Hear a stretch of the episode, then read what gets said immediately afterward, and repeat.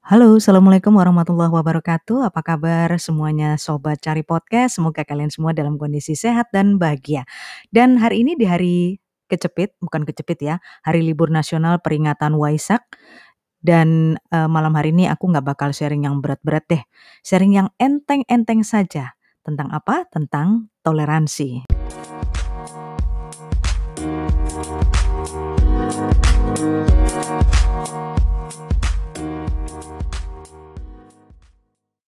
Indonesia secara resmi mengakui enam agama dan terbukti alhamdulillah di kita di Indonesia masyarakatnya sangat tinggi ya tingkat toleransinya. Dan aku sendiri memang sudah membuktikan itu. Jadi pada suatu masa dulu sebelum pandemi, aku pernah pengen sekali ngerasain e, merayakan hari raya Idul Fitri itu di Bali. Seperti apa sih e, hari raya Idul Fitri, hari raya umat muslim, hari rayaku itu kemudian dirayakan di suatu wilayah atau provinsi yang memang mayoritasnya berpenduduk, eee, non-muslim ya. Kita tahu bahwa, eee, provinsi Bali memang mayoritasnya orang Hindu. Apa yang terjadi di sana membuatku agak, "Oh, ternyata benar ya, emang toleransinya tinggi banget," gitu. Jadi pada waktu kita sholat di masjid besar di sana, di daerah Denpasar, justru yang, eee, berjaga-jaga, maksudnya membantu kita ya dalam pelaksanaan, eee, ibadah, menjamin kelancaran ibadah kita pelaksanaan sholat Id pada waktu itu justru adalah teman-teman saudara kita yang non-muslim, yaitu mereka yang beragama Hindu. Salut sekali aku atas toleransi itu. Berarti itu aku sudah membuktikan sendiri. Nah, sekarang aku pengen tahu nih gimana sih cerita toleransi di negara orang.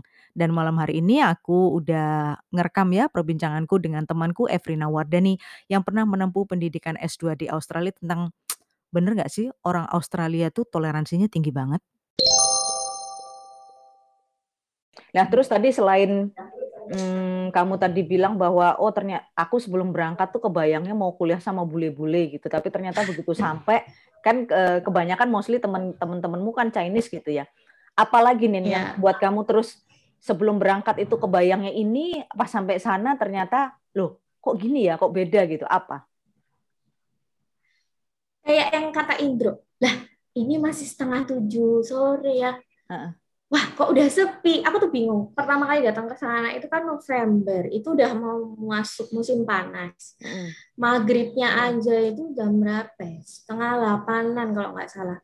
Isa itu udah hampir setengah sebelas malam. Jadi jam sembilan malam itu baru tutup jendela bu. Karena saking masih terangnya gitu. Itu dulu tapi terang kayak gini kanan kirinya udah sepi gitu ya. Krik krik oh. aja gitu loh kayak sepi banget. Pokoknya benar-benar teratur. Tapi pada akhirnya mungkin karena di sana hampir dua tahun ya ketika sampai sini balik lagi ketemu orang segitu banyak. Aku tuh pusing loh bu pertama-tama. Kayak ngeliat keluar dari rumah gitu kan. Apalagi rumahku daerah Waru. Pagi macet kan ya crowded banget lah. Awal-awal tuh aku berangkat kerja itu sampai kantor aku pasti pusing. Karena ngelihat orang segitu banyak di jalan. Hampir dua tahun aku jarang lihat orang tapi nggak yang sedesek-desekan itu gitu kan. Hmm, kayak gitu sih. hmm, hmm. kayak kayak gitu ya. Jadi penyesuaian lagi. Jadi nah. balik ke negara sendiri malah kayak negara orang lain akhirnya. Iya. Di sana itu ramenya weekend di city. Hmm. kalau di suburb ya sama tiap hari mirip-mirip lah. Paling yang rame itu kayak di market di, di pusat perbelanjaannya kan. Hmm. tiap suburb itu kan dia kayak punya pasar kecil-kecil itu ramai itu pun ramenya cuma dari pagi sampai siang sore sore sekitar asar lah habis itu udah udah sepi lagi kayak hmm. gitu apalagi iya, minggu minggu hmm. minggu itu sepi bis itu lewatnya di suburb ya sekitar satu jam sekali itu baru ada bis malah terbalik sama kita ya kita kalau sabtu minggu kan hari biasa rame, hmm. Sabtu Minggu lebih rame kan gitu ya. Banyak orang tuh kan kayak nggak ada istirahatnya kalau di kita kan gitu ya. Tapi menarik yeah. juga ya Nin kalau uh, dengar ceritanya Indro yang uh, episodeku yang kemarin-kemarin dia bilang bahwa mereka betul-betul menggunakan Sabtu dan Minggu itu untuk istirahat ya dengan keluarga ya. Iya. Hmm. Uh -uh. Kalau nggak istirahat ya perginya sama keluarganya.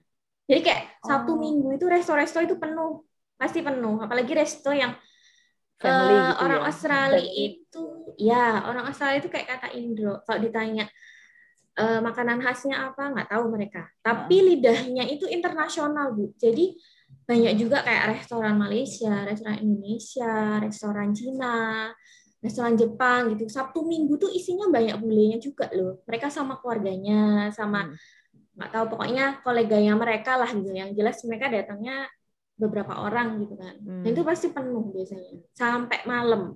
Kalau Sabtu Jumat Sabtu Minggu itu kan uh, lebih dari jam 7 kan mereka bukanya. Hmm. Loh, jadi mereka tuh menggunakan waktu apa ya istilahnya uh, weekend itu untuk ya pergi sama keluarga gitu ya. Jadi kalau jalanan mungkin sepi ya, tapi penuhnya tuh di resto gitu tah. Nah, hmm. di resto apa di apa di taman-taman kayak gitu. Kalau enggak setiap bulan itu selalu ada event dari dari kayak kayak pemkotnya gitulah kayak gitu. Jadi kayak misalkan uh, bulan apa gitu ada festival apa di taman yang mana kayak gitu. Terus nanti bulan apa uh, ada acara apa lagi gitu. Aku lupa pokoknya banyak banget lah. Jadi kalau saya weekend di sana itu tuh nggak pernah bingung karena selalu ada selalu ada acara meskipun ya itu ujung-ujungnya acaranya mungkin kalau di Indonesia kayak semacam kita ngumpul di taman terus ada orang mungkin kalau festival budaya gitu orang nari-nari orang main musik. Terus sekelilingnya tuh kayak orang bazar gitu bazar jajan-jajan gitu. Hmm. udah hmm. gitu. Ya gitu ya. Orang iya. Noodle aja tuh ada festivalnya loh bu. Aku lupa bulan apa. Itu oh. jadi ada park yang gede di city. Itu ada night noodle market. Dan itu sebulan. Oh. Wah, aku suka itu noodle-noodle. Noodle-noodle. aku. Uh, ini iya, bicara iya. noodle-noodle nih. Noodle-noodle itu kemarin si Indra itu cerita bahwa kamu pas pergi bertiga sama Doni itu kan pernah juga apa namanya si, si Indra sama si Doni udah sering makan di resto Chinese itu ya kan nggak pernah tahu kalau itu mengandung sesuatu yang diharamkan dalam agama Islam. Tapi begitu ngajak kamu datang pelayannya itu langsung bilang kan ini bukan halal food yeah. bilang gitu ya. Diceritain dong nih ceritanya tuh gimana? Jadi itu waktu itu kita tuh itu toko eh, restonya di dekatnya pasar kok. Jadi kita kayak waktu sekalian belanja belanja kita kalau belanja dua mingguan. Dua mingguan masukin kulkas gitu kan. Nah, terus uh, waktu itu kita makan dulu sebelum belanja nggak salah. Mau makan dulu uh, terus habis itu kita udah udah masuk dulu kan kita taunya itu Malaysian food kok tapi memang dia oh. yang jual Cina. Malaysia di sana itu Malaysian itu belum tentu halal. Itu tadi ternyata Malaysian yang jual Chinese Chinese Malaysia itu bisa jadi itu non halal udah duduk kita mau mau minta buku menu. Eh pelayannya datang nggak bawa buku dong langsung bilang gitu. Sorry we are not halal terus kita bertiga lihat-lihatan dong. Gitu jadi kita langsung Hah? terus begitu keluar anak-anak tuh ketawa. Ya kita udah sering loh makan di situ kalau pas lagi pasar nggak sama kamu gitu kan. Jadi kayak karena kan kadang itu kalau pas satu semester di tengah-tengah itu kan uh, udah kerasa ya Bu kayak peak seasonnya kuliah itu di week keberapa itu kerasa. Mm-hmm. Nah, aku nggak ngerti sih, kayaknya aku tuh dulu berasa entah akunya atau entah memang di jurusanku tuh yang kayak berasa aku tuh kalau udah setengah semester sampai ke terakhir biasanya aku sering nggak ikut anak-anak ke mana-mana karena saking oh. tugas kelompokku tuh banyak gitu jadi aku sabtu minggu aja tuh harus catch up sama teman-temanku gitu kan hmm. kayak gitu jadi Nah, anak-anak tuh bilangnya gitu. Jadi kalau pas lagi ke pasar nggak sama aku, kadang mereka makan di situ kan bosen ya di situ cuma ke pasar tuh ada Indonesian food, ada Nandos, terus ada apa ya? Biasanya sih yang kita aman-aman biasa makan kan uh, Indonesian food, Nandos, terus apa ya? Nandos Makanan apa? India yang Nandos tuh ayam tuh loh, Bu. Ayam ayam Meksiko apa ayam Portugis itu loh. Hmm. Yang dia tuh kayak ayam bakar, Mm-hmm. Uh, cuman rasanya tuh agak kepedes sama agak ke asam. Awalnya aneh, oh. tapi terus lama-lama bisa diterima kok ini sama lidah Indonesia. Ya tambahin gitu. nasi lah. Nah, tambahin nasi. Iya iya. Ditambahin nasi. atau ini ada resto India yang emang dia tuh ngasih uh, ada label halalnya gitu loh. Aku nggak ngerti ya. Mungkin oh. dia yang jualan yang punya tuh yang India Muslim apa gimana? Muslim. Aku nggak ngerti gitu ya. Pokoknya dia ada ada tulisannya dia tuh halal gitu. Dia nggak nggak jual yang non halal.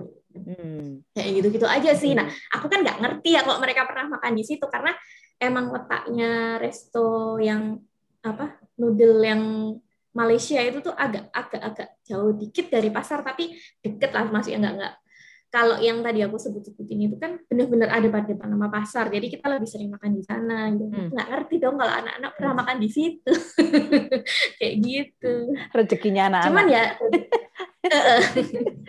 dari situ sih dari situ sih aku mikirnya oh Australia itu memang orangnya tuh beragam banget tapi kita uh, di sini tuh merasa safe safe-nya karena setiap orang tuh udah sadar diri untuk gimana caranya toleransi itu tadi. Hmm. Hmm. hmm. Kan bagi si pemilik restonya mungkin karena dia basically Malaysia ya, meskipun Cina. Tapi kan di Malaysia dia sudah terbiasa dengan juga lingkungan banyak muslimnya. Mungkin juga sudah terbiasa ngasih tahu customer-customernya yang mungkin emang muslim kasih tahu aku nggak nggak jualan halal nih. Tapi kan dari situ uh, aku pribadi itu nggak bikin tersinggung sih malah justru malah oh, terima kasih ya ini ya mm -mm. Mm -mm. saking justru saking tingginya toleransi dia tuh mau jagain biar orang-orang ini makan sesuai dengan yang biasanya harus bisa dia makan gitu loh. Mm -mm. Terus kalau gitu pas ya ini udah lewat Ramadan sih, cuma menarik juga sih. Kalau pas Ramadan itu eh, kata Indra enak ya, Nen? Maksudnya waktunya pendek gitu ya? katanya. Oh iya, iya. aku aja kepengen gitu. Lagi puasa di sana. Di sana itu imsaknya hampir setengah enam bu. Setengah enam, oke. Okay. Jadi uh, uh, lima seperempat itu aku masih bisa ngebut sahur gitu masih bisa lima seperempat. Uh. Terus nanti buka itu jam lima lebih sekitar lima lebih lima sampai lima lebih lima belas itu udah azan maghrib. Karena itu oh. pas uh, winter. Akhir hmm. akhir musim gugur kayaknya mau ke winter. Hmm. Kayak gitu. Kalau musim Ada tuh yang panas? Musim panasnya itu panjang loh. Malah Maghribnya tuh sekitar setengah delapanan malam. Hmm. Dan pagi itu matahari terbit jam berapa ya? Jam enam setengah tujuh kayaknya udah matahari udah udah udah panas banget. Kalau kalau apa namanya summer. Aku cuma nggak ngebayangin misalkan nanti ada yang ngalami uh, Ramadan itu di Australia pas bulan Desember Januari itu pasti bakal Kenapa? panjang banget. Panjang banget ya? Puasanya panjang banget dan panas banget. Di sana oh. itu uh, pertama kali tahun pertama aku di sana pas ngalamin summer itu kayak nggak betah bu. Kayak mau nangis kayak mau pulang. Karena udara itu rasanya seharian dari pagi sampai ketemu malam. Kayak kita tuh di depan kompor seharian tuh loh bu. Lagi kayak lebaran kan masak di sana sini ya? Kayak kayak apa sih orang Surabaya bilangnya ongkep gitu kan? Ongkep mm -hmm. tapi uh, tapi kok di sini kan kita keringetan ya? Di sana tuh nggak bisa keringetan loh karena kering kan? Panasnya tuh panas kering. Hmm. kayak gitu jadi udah itu udah apa ya kering di, keringet itu sudah kering di badan gitu mungkin ya nggak sempat keringetan maksudnya Jatuhnya, saking keringat saking keringnya Iya, jatuhnya rasanya kayak orang panas dalam berhari-hari gitu loh, Bu. Oh. Kan orang panas dalam tuh kan rasanya kayak kayak kayak jadi kayak bad mood gitu ya. Nah, iya. kayak gitu tuh. Hmm. Aduh, nanti akan akan tiba masa itu puasa mungkin insya Allah di Desember ya jatuhnya ya. Iya, mm -mm, tapi kalau... itu katanya sih nggak selalu sepanas itu. Ya, Kadang tuh yang ya uh, itu tuh pas ngalamin heat wave aja. Oh. Cuman bagusnya di sana itu apa ya level of safety-nya tuh tinggi. Dalam artian misalkan mau ada cuaca ekstrim, hmm. itu benar-benar ada pengumuman. Pengumuman yang dikasih tahu besok cuaca bakal kayak gini, bakal heat wave. Uh, kamu lebih baik stay di rumah, tapi kamu prepare begini, begini, begini. Jadi kayak kayak di kantor kita tuh loh Bu, semenjak happening HSSE, kan sering kan ada email yang apa eh, tips-tips inilah oh, terus iya. itu hmm. kalau enggak listen learn kayak gini lah kayak gitu. Jadi hmm. di sana tuh early warning sistemnya tuh bagus sih aku bilang. Hmm. Gitu. gitu ya. Itu by apa pemberitahuannya by apa email biasanya? Atau TV? Uh, eh, email. Di TV ada. Oh. Terus kayaknya karena mungkin kita student ya. Jadi kadang tuh kalau yang memang cuaca ekstrim banget dari kampus tuh juga ada kayak email blast gitu. Hmm email blast. Gitu. Aku ingat sesuatu ya. Apa ya email blast? Iya, itu tadi perbincanganku dengan Efrina Wardani, temanku yang pernah menempuh pendidikan S2 di Australia. Mudah-mudahan apa yang, eee, kita sharing malam hari ini bisa bermanfaat ya untuk kalian semua, dan sampai ketemu tiap Rabu, Jumat, dan Minggu di Cari Podcast, podcast-nya pencari informasi yang bikin happy. Assalamualaikum.